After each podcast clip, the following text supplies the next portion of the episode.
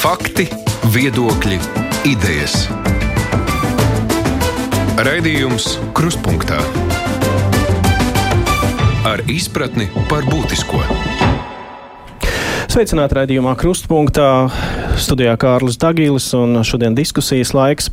Pirms vairākām nedēļām sabiedrība šokēja ziņas par vienu no Latvijas hokeja izlases līdera Mika Indraša pievienošanos uh, Maskavas Spartakam uh, Krievijas kontinentālajā hokeja līgā. Uh, lai gan šī pārēja neskaidros apstākļos tomēr nenotika un Miks Indrašs nākamā sezona visticamāk spēlēs Vācijā, tomēr citi hokeisti, kā piemēram Vārtsargs Jānis Kalniņš, ir pieņēmuši lēmumu spēlēt Krievijā neraugoties uz asu sabiedrības nosodījumu un arī sporta likumu, kas turpmāk liedz spēlētājiem pārstāvēt uh, Latvijas izlasi. Kā mainījusies Latvija un arī starptautiskā sporta dzīve Krievijai īstenojot karu Ukrainā un ar ko jārēķinās sportistiem, sporta funkcionāriem un arī līdzutējiem? Par to šodien tad, tad, mēs diskutēsim raidījumā. Un hokeja nu, tā, tā pārstāvniecība Krievijā laikam ir lielākā ar Latvijas sportistiem. Tad uz studiju esam aicinājuši Viesturu Kozjolu, šobrīd Startautiskās hokeja federācijas padomas locekli, bet bijušais arī Latvijas hokeja federācijas ģenerālsekretārs un arī pie Rīgas Dienāmo esat stājis ilgu laiku. Mums studijā ir arī Sporta spēļu asociācijas izpildu direktors Kaspars Korkšs, bijis Latvijas futbola federācijas prezidents un arī izlases kapteinis. Labdien arī jums! Sveiki. Un sporta žurnālists Rēmons Rudzāts, kurš no žurnālā klubs ir publicējis pārdomas par morālajām dilemām šajā sakarā Latvijas sportā. Iesāksim, Raimond, varbūt ar jums, kāda tad šobrīd ir tā galvenā sāpe, galvenā problēma, kas sakoties karam Ukrainā, ir izgaismojusies Latvijas sportā. Es domāju, tā galvenā problēma ir, ka sabiedrība ir vīlusies atsevišķās izvēlēs atsevišķos uh, populāros sportistos, nu, kuros iespējams cilvēki bija saskatījuši daudz vairāk nekā tagad pierādījās. Tā, tā nu, personības jauda ir spējīga nest un vilkt. Un, uh, tas ir nu, pirmkārt jā, stāsts par naudu.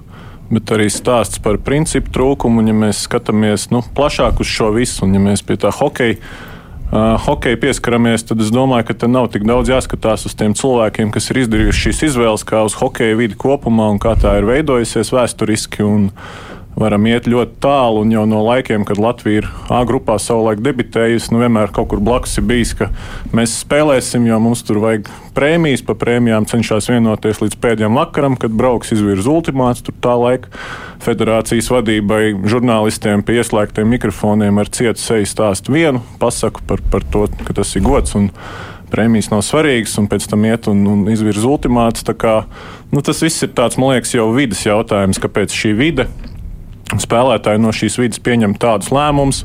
Un arī tad, kad šie lēmumi ir pieņemti, kāpēc no vidas, tagadējās hokeja vidas, no hokeja vadības, no izlases spēlētājiem, līderiem, mēs jau nedzirdam nekādu nosodījumu. Mēs šo, šodien, man liekas, Latvijas rādio bija Arts Abels, pirmais, nu, ko es piefiksēju, kurš publiski runā par to, ka viņš nesaprot šos cilvēkus. Un arī tā ļoti. Nu, pa maliņu noiet tai situācijai no prezidenta Kalvīša. Mēs to neesam dzirdējuši, no galvenā trenera Vītoliņa. Nē. Viesturs varbūt beidzot šodien savu komentāru sniegs, arī neesmu dzirdējis.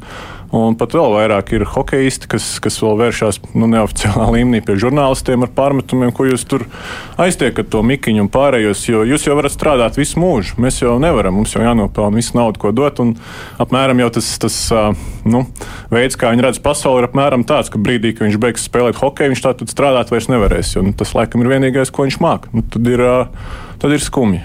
Jā tā vilšanās ir pamatota, principiem ir jābūt, ja tomēr nauda pāri visam, un kā ir ar šo nosodījumu? Vai mēs esam gatavi šādus spēlētājus nu, publiski arī nosodīt?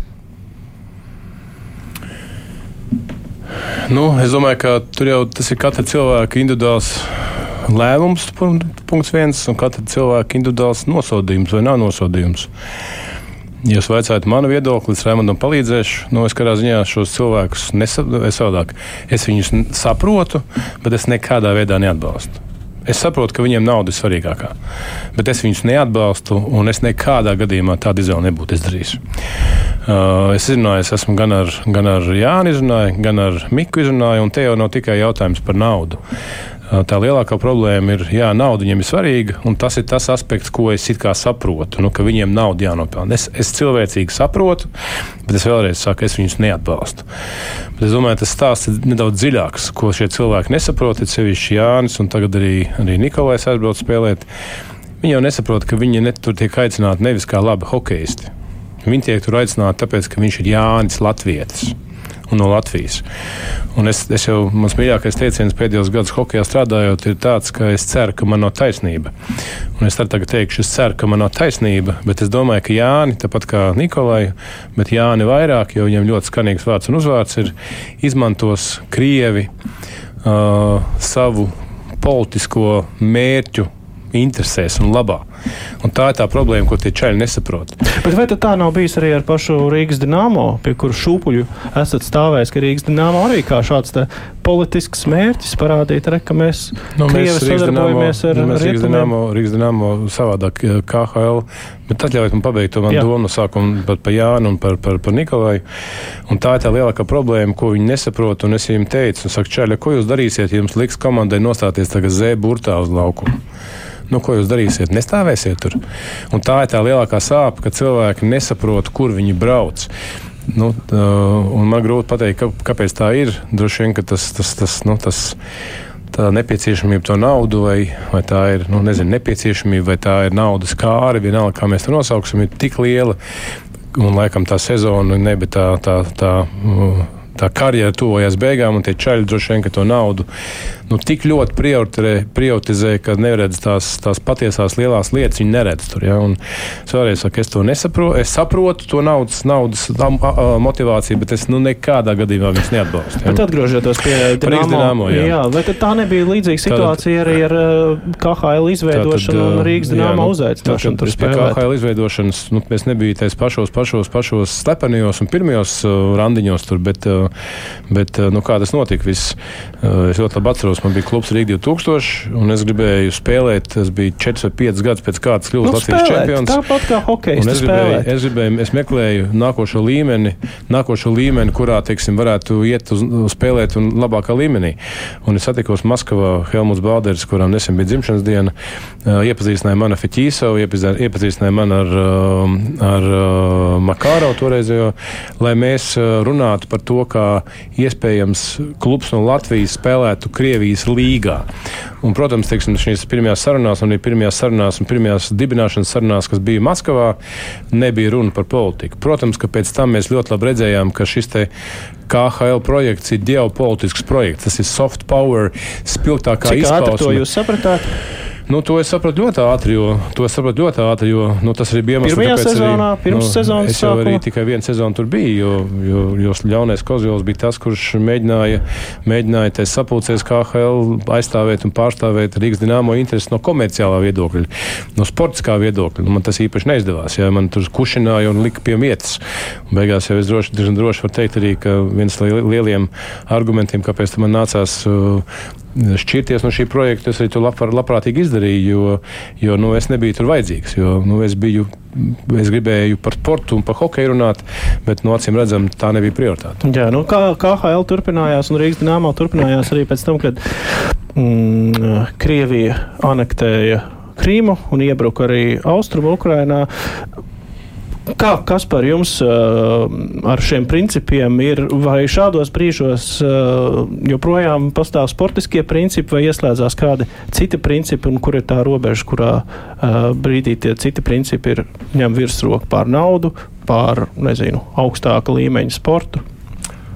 Vispirms mums būtu divus, eh, divus soļus atpakaļ, eh, jo jāatzīst, ka kopumā sporta nozare eh, uz Krievijas darbību Ukrajinā no, no, no, norēģēja tā ļoti ļoti, ļoti saliedēti. Un, ja mēs skatāmies tos divus, divus, divus atzarus, kas viens ir finanses tiešā veidā, sponsorēšana, pasākumi, tad tie tika izbeigti ļoti ātri. Nu, un otrs, kas attiecās uz, uz pašu personālajām spēlētāju amatpersonas treneri, arī patiesībā norēģēts tika ļoti ātri, tika atstādināti no sacensībām, komandas tika arī atstādināts no sacensībām. Tur nekādas pretenzijas pretruns vai pretenzija nebija. Problēmas sākās, ka, ka, ka izveidojās šo atsevišķie, atsevišķie gadījumi, kad uh, spēlētāji vai komandas sāk meklēt tos veidus, kādā veidā attaisnot šo. Un skaidrs, ka te jau arī klātsošie ir pieminējuši, ka uh, sports un politika vienmēr ir tās divas lietas, ko mēs esam žonglējuši un teikuši, ka sportu jātur tālāk no politikas. Tas ir bijis uh, tāds uh, lozungs lielākā daļā liela sporta pasākumu arī. Kaut gan, ja mēs skatāmies no tāda skatu punkta, manuprāt, uh, ja tu saki, ka sportu nedrīkst jaukt ar politiku, tu jau jaucies politikā, jo ja kaut ko nedrīkst darīt, tad acīm redzot, tā ir sava veida iejaukšanās. Un uh, nevienam jau nav noslēpums, ka sports Krievijai ir bijis veids, kā īstenot šo uh, kaut kādu soft politiku uh, vai, vai mīksto politiku attiecībā pret savām interesēm, nu, un paralēli risinot arī citus, citus savus jautājumus. Kas attiecās uz spēlētāju individuālu ētiku vai spēlētāju individuālu attieksmi pret to, kas uh, kas notiek Ukrajinā. Un, un, un, un savu karjeras turpinājumu, tad nu, jebkurš sācinājums vai jebkura uh, problēma situācija bieži vien uh, izgaismo uh, gadu laikā varbūt ignorētas nepilnības vai tās ir nepilnības audzināšanā, vai tās ir nepilnības kaut kādu komandas garu veidošanā. Un skaidrs, ka nu, šeit arī izpaužās tas, ka viena vai otra privāta interese tiek likta augstāk par kaut kādām morālām ētikas normām. Ne, ņemot vērā uh, tās uh, blaknes, kas varētu rasties. Uh, Un šeit ir jāskatās viens spēlētājs, viņa varbūt šī audzināšana, otrs arī nu, patiesībā organizācija darbs, jo, jo arī spēlētājiem būtu jāizskaidro ļoti skaidri, kādas konsekvences viņa darbībām varētu būt, lai mēs nenonāktu situācijā, kur pats spēlētājs varbūt savas neuzmanības, savu padomdevēju kaut kādu individuālu vēlmju iespējā paliek, paliek nu, ar, ar, ar, ar sačakarētu reputāciju uz visu atlikušo karjeru. Bet arī viens ir likt šīs kaut kādas savas naudas intereses pirmajā vietā, Es to nedarītu. Vienmēr arī savā karjerā esmu vadījies pēc tā, ka Latvijas izlase ir kaut kas īpašs un uh, visus lēmumus esmu pieņēmis, savus sportiskos lēmumus attiecībā pret to, lai, lai, lai, lai no tā neciestu mana karjera izlasē. Bet nu, šie ir spēlētāji lēmumi, kurus viņi paši, paši ir pieņēmuši un ar kuriem viņiem ir jāsadzīvo. Bet tā recepte būtu kāda? Mēģināt, ja tomēr nezina un, un nepārzina šo visu ģeopolitisko procesu, nav tās zināšanas pietiekami uh, lielas, tad labāk ir izlikties par beigtu un, un nereaģēt nekā.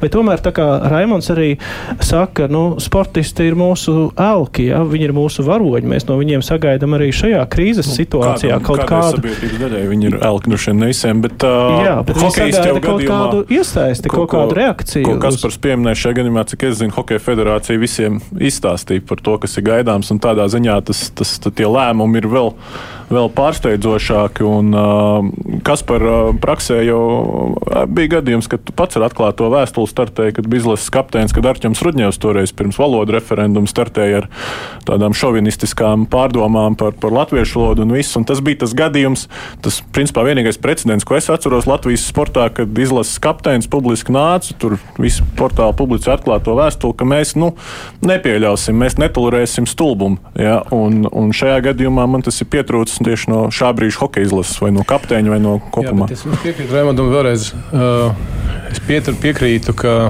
ka pietrūkst kaut kas tāds, un visi gaida no nu, to šo te tādu elku, tādu skaidru nostāju. Pareizi. Jā, kam kurā brīdī kas ir jāpauž? Bet tagad, bet tagad uzdodam sev jautājumu, kāpēc viņas nav? Ho, Raimons pārmet Hokeja federācijai, ka Hokeja federācija nav veikusi pietiekoši. Nē, nē, nē vēstures tieši otrādi es teicu, ka jūs to darījāt. Nē, nē, nē, viņi tāpat tam teica, ka Hokeja sabiedrība. Hokeja sabiedrība jā, nu jā. Tad, tad past, uzdodam sev jautājumu, vai kas ir Hokeja sabiedrība? Vai Hokeja sabiedrība dzīvo kaut kādu izolētu, atrautu dzīvi no pārējās sabiedrības? Nav tā.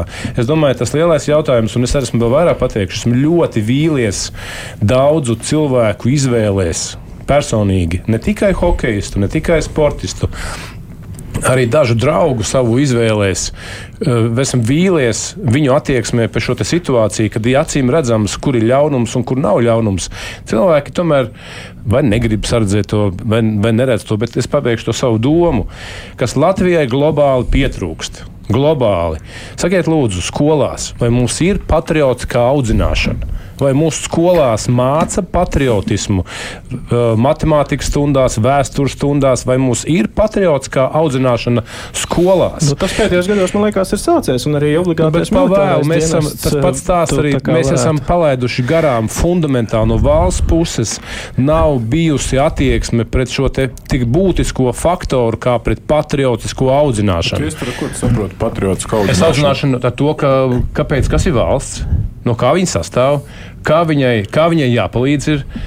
Tas ir šie pamat jautājumi, Mēs tikai varam 18. novembrī himnu nodziedāt. Ar to arī patriotiskā kalpošana beidzās. Ar to ir pamazs. Labi, pieņemsim, ka valsts tiešām kaut ko nav izdarījusi līdz galam, bet uh, pabeidzot to jūsu vilšanos arī savos draugos, kāda ir tā jūsu reakcija? Jūs ar viņiem joprojām, jums ar viņiem ir biznesa, jūs ar viņiem sarunājaties, kaut kādas attiecības ar viņiem jums nu, tas ir? Tas arī nu, individuāli lēmums no, lēmums no, no cilvēka atkarīgs individuāli. Es arī esmu tikai, es saku, es domāju, tā sabiedrības attieksme mums nav jāmeklē tā piektā kolona, mums nav jāmeklē kaut kur, kaut kur nezinu, tālu aiz robežām. Tā piektā kolona, diemžēl, mums tepat blakus ir un dzīvo.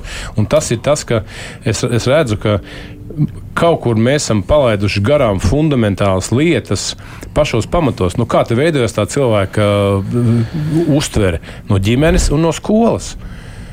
No ģimenes un no skolas nozīmē to, ka kaut kur, vai nu ģimenē, vai nu skolā, mēs kaut ko esam salaiduši dēlī, fundamentāli. Mhm. Kas, Garškungs, jūs piekrītat, tas nāk no, no kaut kādiem tiešām pamatiem, vai arī pat ja tā nav, uh, vienalga sportistiem būtu jāpauž kāda uh, nostāja, kurās situācijās, kādiem sportistiem, kādā veidā?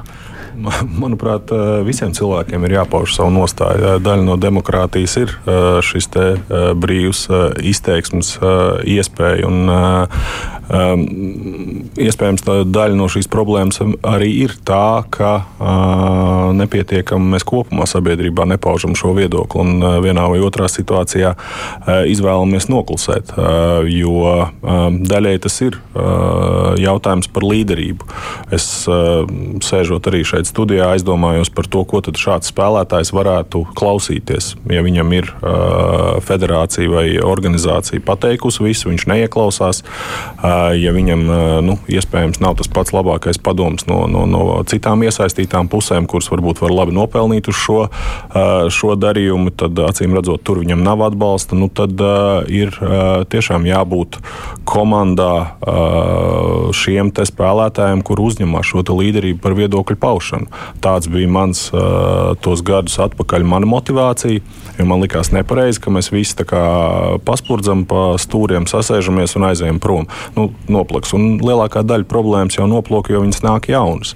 Bet, eh, bet eh, būtiski ir tiešām runāt, akcentēt, izteikties, jo nu, eh, tie viedokļi mēdz būt dažādi. Būtiski ir, lai vairums šo viedokļu tomēr būtu balstīti nu, tām ētikas normām, kurām mēs kā sabiedrība gribētu piederēt. Un es patiesībā gribētu, lai katram izlases spēlētājam jau sākotnēji būs skaidrs, par ko viņš iestājās. Kāds ir jūsu novērtējums šobrīd? Tā publiskā nostājas paušana ir par maz No, no sportistu puses noteikti par maz. Jā. No sportistu puses noteikti par maz, un ko nevar novērot arī šo te, uh, līderu iesaisti. Jo uh, nu, mēs, uh, sportisti, esam kūtri, un, un, un, un mums varbūt šī narratīva par to, ka sportu nejaucam ar, ar, ar politiku, ir tik ļoti iesakņojusies, ka ir ļoti vienkārši būt. Uh, vienā vai otrā situācijā pasīviem nu, vērotājiem. Jā, bet tagad paskatieties mazliet mēdīnu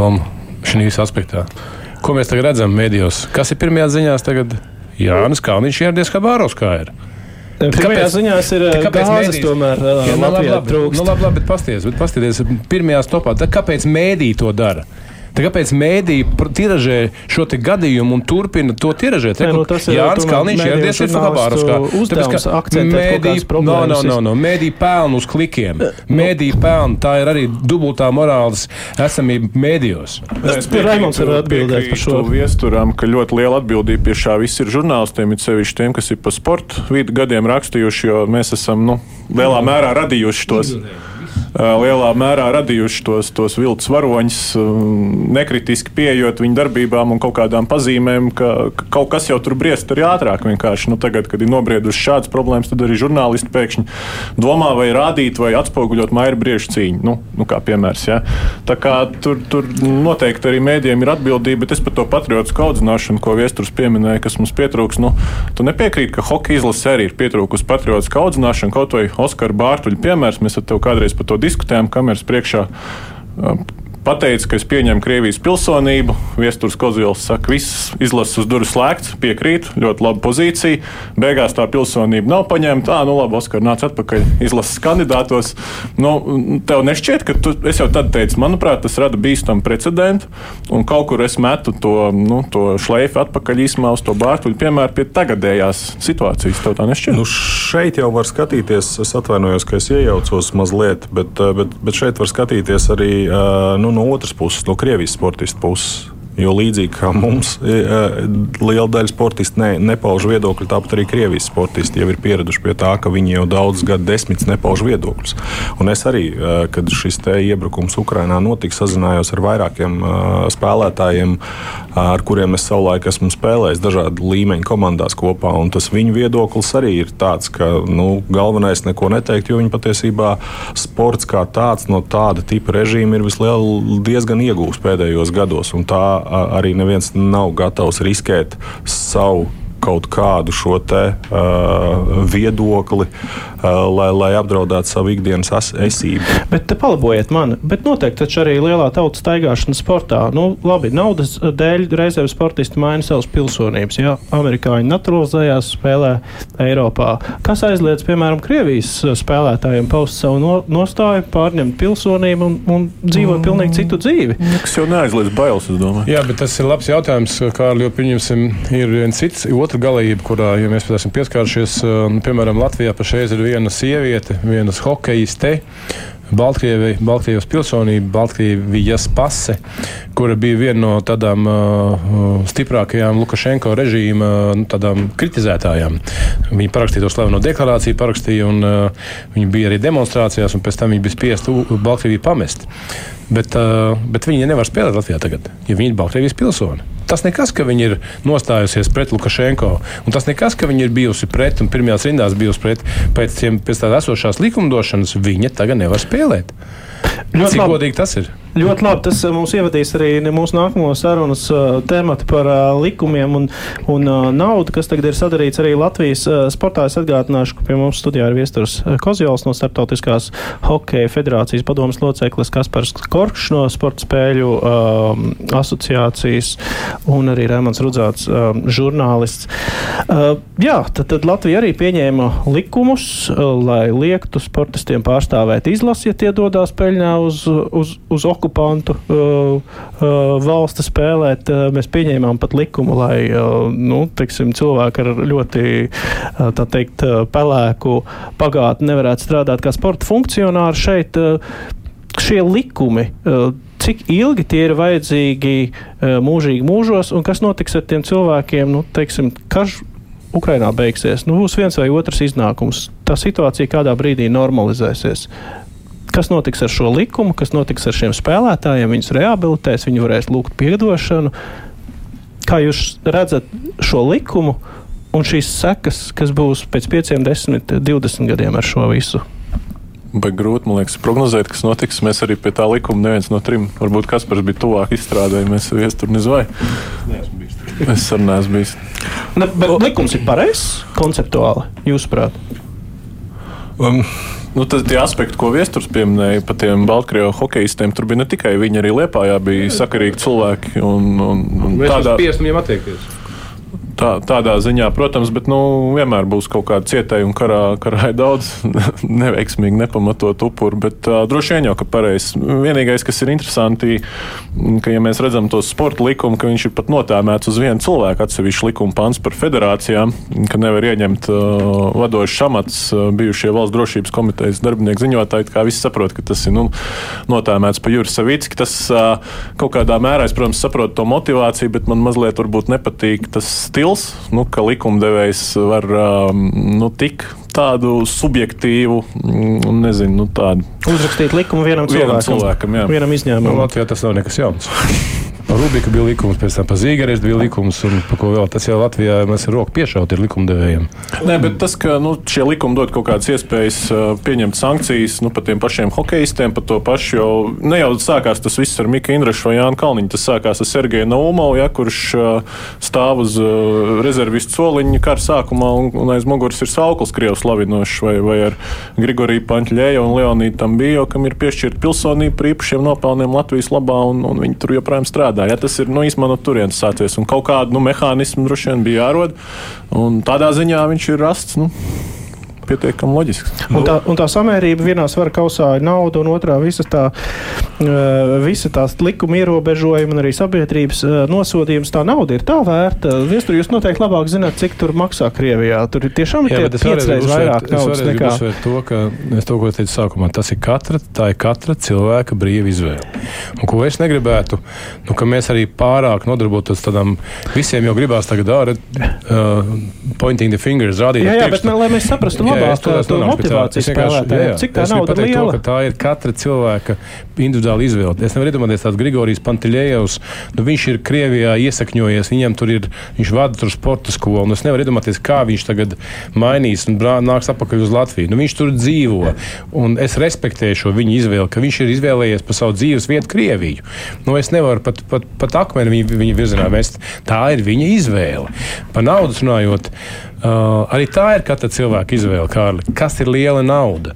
Kas ir liela nauda un, un kas tai naudai nāk līdz tai maisiņā, tai mugursomā? Tas jau jāstāsta kopā. Ir. Es saku, man Tāpat kā arī Kaspars teica, arī man, nu, es nedarītu to arī par ļoti lielu naudu. Man ir citi ētikas principi un citi morāls principi. Tā kā, nu, bet ir cilvēki, kuriem tā nauda ir svarīga, un viņi redz, ka tā naudas summa nevarēs citur nopelnīt. Nu, tā nauda. Es uzskatu, ka nekāda nauda nav svarīga, lai tu varētu aizstāvēt uh, okupantu un agresoru intereses. Bet, manā skatījumā. Bet tur tās motivācijas ir dažādas. Nauda varbūt nav pat uh, vienīgā. Nu, piemēram, te viens polijas futbolists piemērs, ja, arī kandidāts uz izlases spēlēšanu pasaules kausā tagad tagad uh, Macijais Ribus. Ja, tāds spēlē laikam tagad arī Maskavas Spartakā kā reize. Nu, Jā, polijas izlase viņa ir izslēgusi no, no, no, no, no, no, no sastāvā, bet viņam sieva izrādās krievieti. Ja? Tur varbūt ir arī citi iemesli, kāpēc. Tas, ko es saku, nu, nauda nav vienīgais uh, faktors. Nu. Es vispirms gribētu mazliet arī par to, par to tiesisko bāzi parunāt, Jā. kas bija tas sporta likums, par ko mēs aizsākām. Jo, jo, jo mazliet man izdevās piedalīties tā, tā likuma pieņemšanas procesā neist, neizstrādes procesā.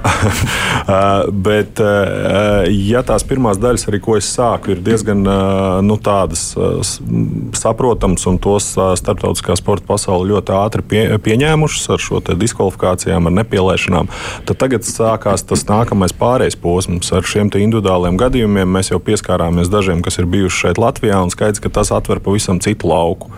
Jo viens ir emocionālā puse, par ko mēs arī esam daudz runājuši, un otrs ir tiesiskā puse. Un kā var izmantot tiesisko uh, ietvaru, lai attaisnotu vienu vai otru diskvalifikāciju vai vienu vai otru atstumšanu. Jo uh, kā tādas tiesiskas bāze ir jārada Latvijā Latvijai pašai iekšienē.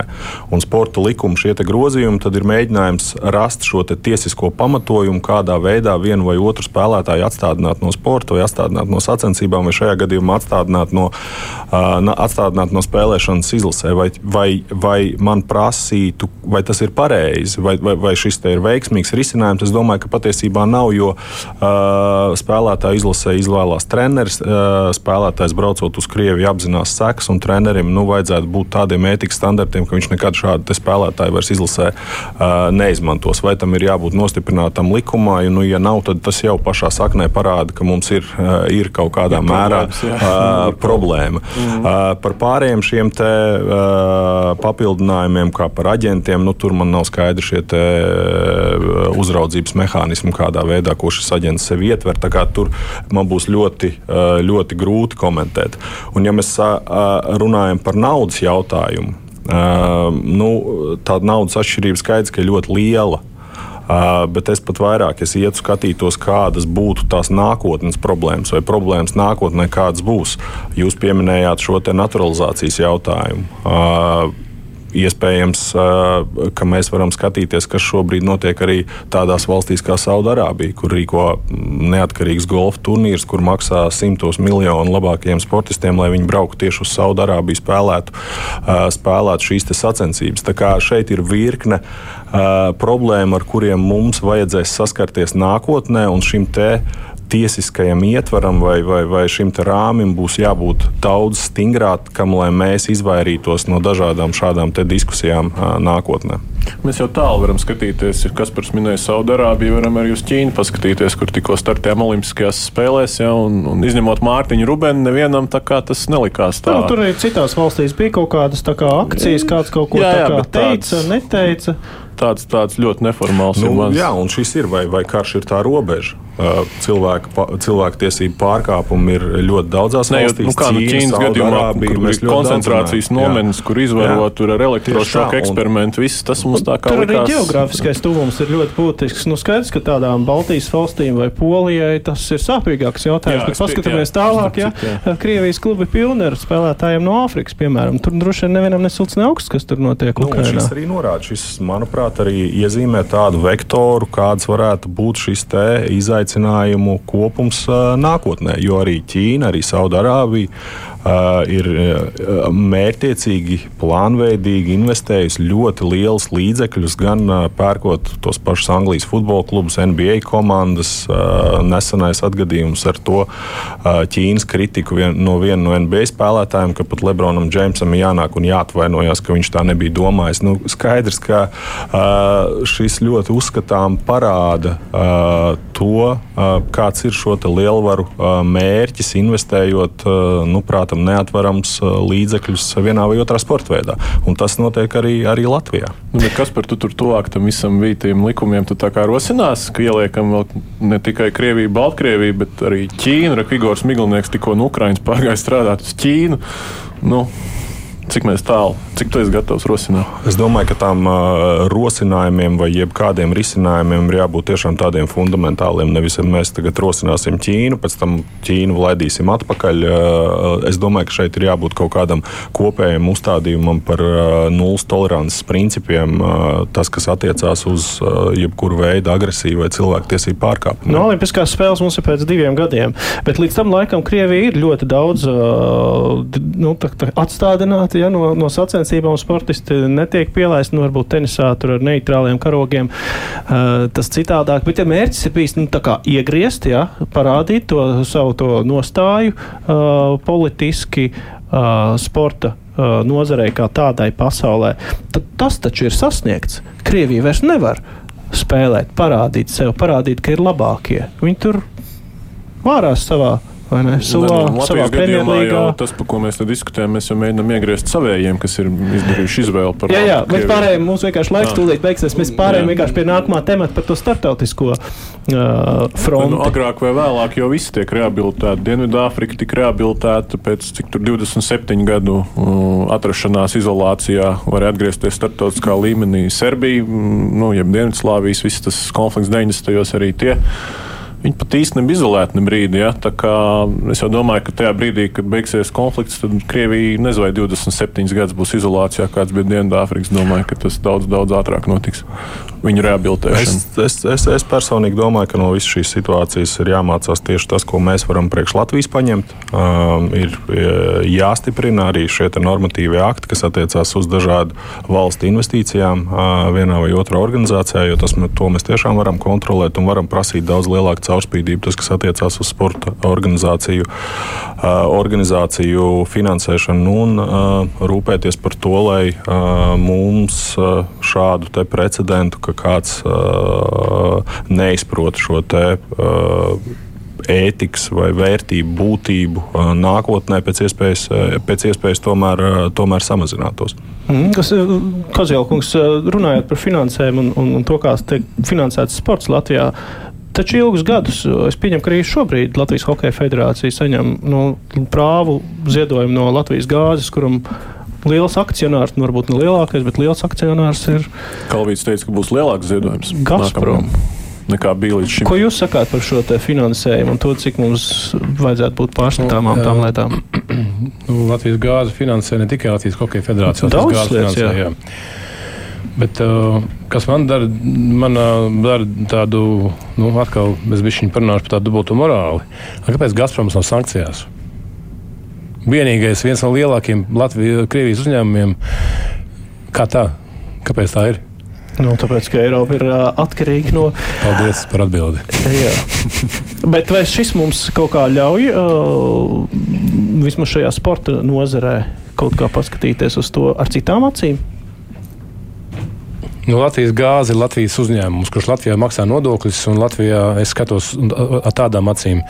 Un, un mēs esam gāzes patērētāji. Mēs jau esam mēs, mēs esam tie, kas maksā to, gā, to, to, to cenu, un es teiksim, uzskatu, ka tas tāds Latvijas, Latvijas iedzīvotāju arī zināms devums ne tikai uh, hokejiem, bet arī citiem sporta veidiem, atbalstot šo, te, šo te sportu ar zināmā mērā savu ieguldījumu tādu. Ja, bet es, saku, es domāju, ka tā pamata atbilde ir mazliet tā, ko es, nu, ne pamata atbilde, bet tā pamata problēma ir tā, ko es jautāju par Gazprom. Jā. E, es tiešām nezinu tos aspektus, kāpēc tā ir, bet nu, man tāds jautājums radās pēkšņi. Nu. Gorkškungs, jūs bijāt ilgus gadus uh, futbola federācijā. Nu, tur taču arī ir ļoti daudz krievu naudas, vai ne tā? Um, klubos ir federācija. Klubos, jā, jā, klubos, federācija, bet federācija spēlē Latvijā. Startautiskās federācijas, kurās arī līdz šim ir bijusi ļoti liela krievu nauda. Tā kā skaidrs, ka, krievu, krievu naudas klātbūtne futbolā uh, visus šos gadus arī ir nostiprinājusies uh, krietni, un, un uh, lai gan lielākā daļa lielo komandu, kā Manchester United, ir atteikušies no līguma ar Aeroflot, uh, tāpat Champions League ir atteikusies no šī līguma ar Gazprom. Bet, uh, un mēs uh, Latvijā? Nu, mums šobrīd uh, tas, kas attiecās par finanšu uh, caurskatāmību, uh, tā ir tā lieta, ko es teicu, kas ir jāuzlabo, lai mums būtu pietiekami skaidrs, no kurienes šīs finanses tiek saņemtas, kā viņas tiek izlietotas, un varbūt lai viena vai otra um, nu, tāda projekta zilgmē mēs neaizmirstu to, par ko mēs šodien visi šeit runājam. Man liekas, varētu būt interesanti, vai paturpinot pa likumu vienam cilvēkam, varbūt vajag likumu vienam uzņēmumam arī nāk klajā. Ja, ja tu sāki par to Latvijas gāzi un, un, un naudu sportā, mēs esam uz tās tādas arī nu, kaut ko tādu izdomāt. Drīzāk, par, par, drīzāk atgriežoties pie viestura sacītā par Gazprom, tur varētu būt jautājums, cik ilgi Gazprom Eiropa būs atkarīga vai būs arī kādas sankcijas pret šo. Par to naudu sportā, ja mēs runājam, tad, tad būtiski ir saprast, ka ļoti grūti ir tā. Uh, uh, pieņemt kaut kādus puslēmumus. Ja mēs izlemjam, ka mēs iesim tajā virzienā, tad visdrīzāk ir šim lēmumam jābūt tādam, ka nu, valsts neļauj sporta organizācijām iesaistīties nekādos līgumos ar, ar, ar, ar kompāniju, kurām ir kaut kāda Krievijas ietekme. Jo, jo, jo skaidrs, ka mēs varam meklēt, ka tomēr nodokļus maksājam mēs vēl kaut ko, bet es domāju, ka pie jebkura, jebkuras arī Krievu kompānijas un arī lasot angļu presi, mēs redzam, ka ļoti daudzām jau Krievijas kompānijām ir grūti izsekot, ka tās ir Krievijas kompānijas, tās pašas betting kompānijas, kuras saņem bāzētas Kiprā, tās pašas taksometru kompānijas, kuras arī jau sen ir reģistrētas uh, Anglijā. Tā kā nu, šeit ir uh, jābūt tiešām uh, šam, šim nulles tolerances principam, un no tā mēs varam skatīties, kā mīkstināt to, uh, nevis meklēt, jo, jo attaisnojums, kāpēc uh, mēs atradīsim vienmēr. Jā, bet ja arī mēs sakām, ka nedrīkst ņemt naudu no ļaunā kaut kāda uzņēmuma ABC. Labi, nedrīkst. Bet tad valstī jānāk tālāk un jāsaka, ok, mēs jums kompensēsim iztrūkstošo naudu. Nu, ja šobrīd pasaka, jā, tas nav izskanējis. Jā, jā. Tas, tas, tas gan uzreiz jāpiebilst, ka, ka, ka šiem kompensācijas mehānismiem, līdzīgi kā tas ir uzņēmējdarbībā, tad arī sportam, ja ir, ja ir sporta nozara gatavs spērt stingru soli, soli šādi, tad, tad, tad valstī būtu jākompensē. Man tās summas jau ir piefiksētas tādā ziņā, vienkārši, ja mēs joprojām pa Latvijas gāzi, tad tas, manuprāt, ir lielākais sporta atbalstītājs Latvijā. Hokejam brīnišķīgas summas arī citiem sporta federācijām. Nu, tad, tad ir ne, no neparedzētiem gadījumiem sportam jāpiesaist līdzekļi. Mēs jau taisgājam jau tādā jau Jā, ļoti jau. Tikmēr, kamēr tas nav noticis, mēs varam, mēs varam operēt ar, ar, ar morāli un, protams, arī ar likumiem. Es saku lielu paldies mums mūsu šīs dienas sarunas dalībniekiem Latvijas uh, Startautiskās hokeja federācijas padomas loceklis Viestures Kozjovs bija mūsu studijā. Uh, Aiciniet vēl. Sporta spēļu asociācijas izpildu direktors Kaspars Korkšs. Paldies. Un arī dzen, sporta žurnālists Rēmons Rudzāts. Paldies. Paldies visiem par dalību diskusijā. Bet uh, mēs uh, turpināsim ar brīvo mikrofonu.